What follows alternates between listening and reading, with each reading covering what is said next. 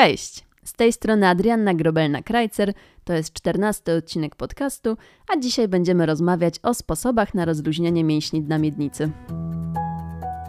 Pelwismet. Zadbaj o swoje zdrowie intymne na każdym etapie życia. Przed Tobą odcinek podcastu, w którym opowiem Ci o 10 metodach na rozluźnienie właśnie mięśni dna miednicy. Ponieważ no jak jesteś tutaj ze mną już chwilę, no to wiesz, że nie każdy tak naprawdę te mięśnie nasze na miednicy powinien wzmacniać. Pomimo, że jest trend, pomimo, że dużo mówi się o napinaniu, o keglach, zamknij, podciągnij, zaciskaj, zrób 400 100 powtórzeń dziennie, tak w ogóle abstrakcyjne liczby, e, no to wiesz już pewnie, że nie każda osoba na świecie powinna mięśnie wzmacniać. I teraz zaczniemy sobie w ogóle od tego, kto powinien się skupić w szczególności na rozluźnianiu mięśni. No i pierwszą grupą na pewno będą kobiety, które odczuwają ból przy współżyciu. Ból w trakcie penetracji, ból w trakcie wprowadzenia palców do pochwy, ból w trakcie głębokiej penetracji, ból w trakcie tylko już wprowadzenia penisa do pochwy. To będzie pierwsza grupa kobiet, która na pewno nie powinna wzmacniać mięśni na miednicy. E, kolejną grupą będą kobiety, e, którym na przykład będzie ciężko wprowadzić tampon do pochwy. Czyli w trakcie miesiączki e, pacjentka bardzo chce używać tamponów albo eko, nawet kubeczków menstruacyjnych, ale nie wiadomo czemu nie jest w stanie ich wprowadzić do pochwy. Albo na przykład już powiedzmy, że udaje się wprowadzić kubeczek do pochwy, ale nie jest w stanie go wyjąć, tak? Więc znowu stres, panika, jak to zrobić. Następną grupą będą kobiety, które mają problem e, z wizytami ginekologicznymi. Czyli idziesz do ginekologa, wiesz, że będzie pobierana cytologia, wiesz, że będzie robione badanie USG i nagle okazuje się, że nie jesteś w stanie rozluźnić mięśni, ginekolog nie jest w stanie wprowadzić wziernika do pochwy. Kilka razy słyszysz hasło spokojnie, spokojnie rozluźnij mięśnie. To jest właśnie też sygnał, że raczej ćwiczenia wzmacniające nie będą kierowane y, dla ciebie. Następną grupą będą kobiety, które przeżywają bolesne miesiączki albo właśnie bolesne również owulacje. Pacjentki chorujące na endometriozę na pewno też będą w grupie, w której nie powiedziałabym w ciemno wzmacniaj mięśnie na miednicy. E, no i kobiety, które mają w życiu dość dużą ilość stresu, tak? czyli stresująca praca, coś się dzieje w rodzinie, ogólnie dużo stresu w życiu będzie wpływało, wpływało napięciowo na mięśnie. E, no i oczywiście ostatnia grupa pacjentek, ostatnia czyli przygotowanie do porodu. Kobiety, które szykują się do porodu, w szczególności właśnie w trzecim trymestrze ciąży, też nie będą już skupiały się, nie będą poświęcały uwagi na wzmacnianie mięśni, a raczej chcemy kierować je do rozluźnienia, czyli idziemy w kierunku rozluźnienia, ponieważ tu musisz wiedzieć w drugiej fazie porodu, czyli tej fazie skurczypartych, twoje mięśnie dla miednicy robią kolosalną pracę rozluźniającą i dobrze by było po prostu je do tego przygotować. No i teraz, zanim my zaczniemy omawiać metody rozluźniające, ważne byłoby, żebyś ty w ogóle poczuła, co to znaczy napięcie, a co to znaczy rozluźnienie.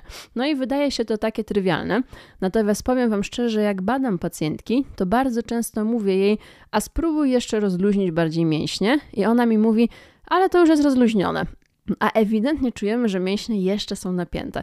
No i tutaj pojawia się problem, ponieważ nie każda osoba rozumie, co to znaczy napięty mięsień na miednicy, mięśnie na miednicy, a co to znaczy rozluźnienie.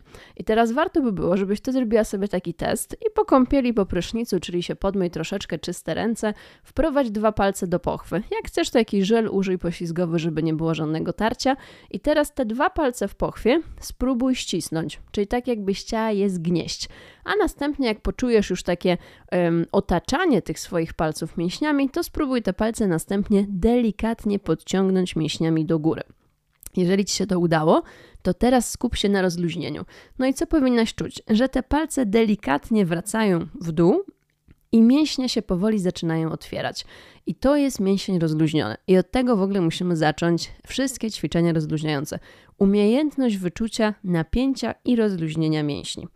No i zaczynamy od pierwszej metody, czyli ćwiczenia ogólnorozwojowe. Tutaj bez żadnej terapii, bez żadnej oceny fizjoterapeutycznej będą niektóre ćwiczenia typowo właśnie ogólnorozwojowe, czy nazwijmy je fitnessowe. Które będą wykazywały charakter rozluźniający również dla mięśni dla miednicy. No i tutaj ja zawsze uwielbiam to podawać jako przykład właśnie yoga. Yoga, która będzie tą jogą spokojną, która będzie jogą niekoniecznie dynamiczną, czyli nie te wszystkie przejścia przez deski, e, wzmacniającą, będzie miała charakter rozluźniający. Tutaj świetnie się też sprawdzają zajęcia wszelkie grupowe stretchingowe, zajęcia z rolowania, treningi powięziowe, treningi na przykład mobility, tak? gdzieś tam na, jak ktoś chodzi na crossfit, trenuje crossfit, to crossfiterzy mają też w zwyczaju chociaż raz w tygodniu wykonywać trening mobility, czyli zwiększanie mobilności w stawach, czyli zwiększanie zakresu ruchu w stawach, to również przyczyni się do zmniejszenia napięcia mięśni dla miednicy. No i zobacz, tutaj żadnej fizjoterapii nie potrzebujesz, wystarczy, że nawet na YouTubie odpalisz sobie po prostu codziennie 20-minutową, delikatną, rozluźniającą jogę. Kolejnym, drugim elementem e, wpływającym na rozluźnienie to już będą takie ćwiczenia bardziej kierowane e, dla Ciebie przez fizjoterapeutę, czyli takie ćwiczenia, nazwijmy to celowane w mięśnie dna miednicy. I to mogą być ćwiczenia z przyrządami, to mogą być ćwiczenia bez przyrządów. Jeżeli chciałabyś zakupić sobie jakieś przyrządy, e, które mają posłużyć rozluźnianiu, to tutaj na pewno przydadzą się trzy rzeczy. Przyda się mała piłka fitnessowa, przyda się duża piłka, taka, na której może kojarzysz ludzie, niektórzy siedzą, pracują i przyda się wałek do masażu, czyli tak zwany roller. Jeżeli miałabym Ci dawać jakąkolwiek wskazówkę przed zakupem rollera, zwróć uwagę, żeby był to wałek gładki, czyli nie wybieraj tych takich, ja się śmieję, traktorów z tymi wypustkami, tylko szukasz gładkiej powierzchni wałka. Jest to dużo lepszy wałek dla Twojego ciała. E, I zwróć uwagę na twardość wałka. Czasami firmy, które się zajmują profesjonalnie wałkami, mają wypisaną twardość wałka, więc dobrze by było, jeżeli zaczynasz swoją przygodę z rolowaniem, wybieraj wałek raczej miękki. E, no i takie ćwiczenia, jakbyś chciała sobie podpatrzeć, są dostępne u mnie na Instagramie, więc śmiało możesz na takie ćwiczenia z przyrządami sobie zerknąć, również bez żadnej kontroli fizjoterapeutycznej. Kolejnym trzecim elementem będą ćwiczenia i treningi oddechowe. Pacjentki, które mają kontrolę e, doskonałą swojego oddechu, e, będą miały też mniejsze problemy z napinaniem i z rozluźnianiem mięśni dna miednicy. I tutaj ważne, żebyś potrafiła oddychać konkretnymi torami oddechowymi. Jeżeli na przykład fizjoterapeuta prosi cię o tor oddechowy, ciach, robię, nie ma problemu. Następnie prosi cię o tor brzuszny, nie ma problemu. A mówi, a spróbuj skierować powietrze do krocza, nie ma problemu. I tutaj fenomenalne czucie ciała, tak więc wszystkie treningi oddechowe, czasami nawet grupowe, bardzo fajne efekty również mogę, mogą przynieść, jeżeli chodzi o mięśnie dna miednicy. Ćwiczenia oddechowe również znajdziesz u mnie na profilu na Instagramie pelvismed.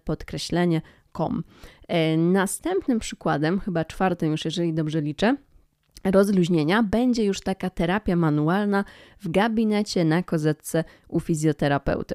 I fizjoterapeuta będzie robił taką terapię manualną zewnętrznie i wewnętrznie. Praca zewnętrzna polega na e, również pracy na mięśniach na miednicy, na pracy w okolicy miednicy, pośladki, nogi, brzuch, góra ciała, szyja. Całe ciało jest związane ze sobą. Nie możemy wyizolować tylko i wyłącznie krocza i rozluźniać tylko mięśni na miednicy. To, co ja zawsze mówię, patrzymy na pacjenta całościowo, holistycznie i następnie przechodzimy do pracy wewnętrznej. Pracy wewnętrznej, która na przykład może być pracą na punktach spustowych, czyli punktach w mięśniach, które wykazują delikatnie większe napięcie. No i powiem Ci, jak taka terapia wygląda, bo to często pacjentki pytają.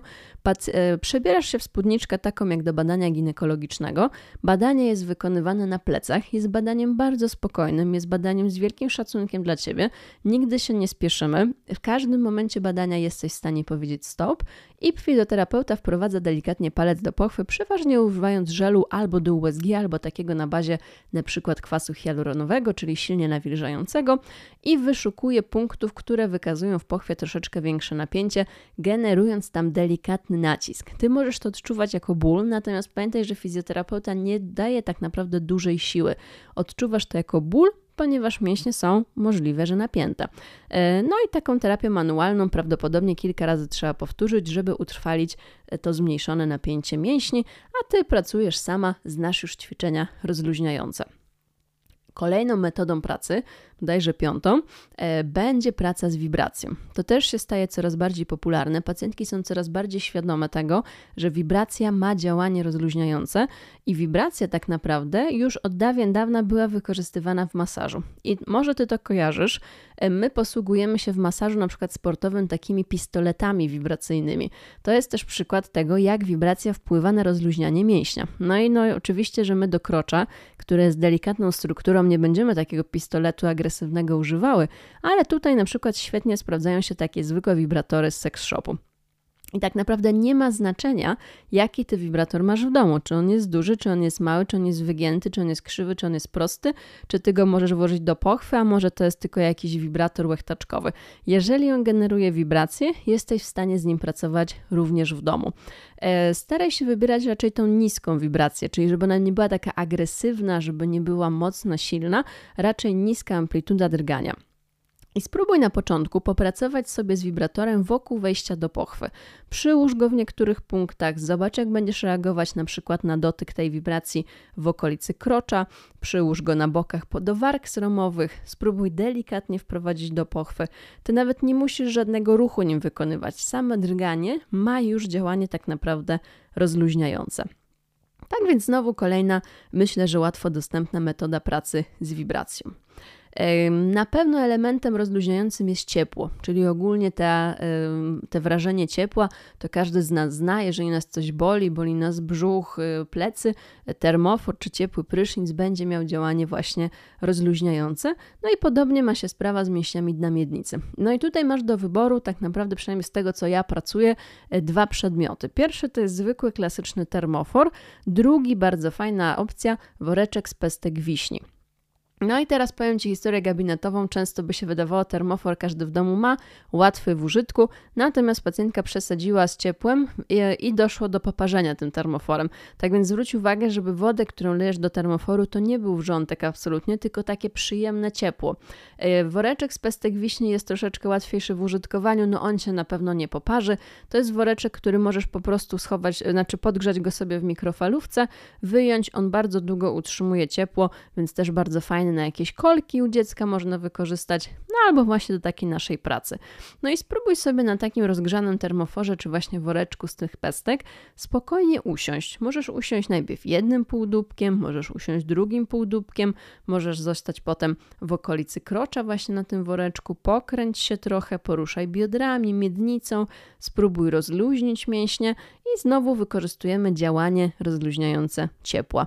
Jeżeli na przykład, o taka wskazówka, masz problem ze współżyciem, wiesz, że ten stosunek jest dla ciebie bolesny, może wypróbuj sobie na przykład siadu na takim woreczku ciepłym, a dopiero potem przejdź do stosunku.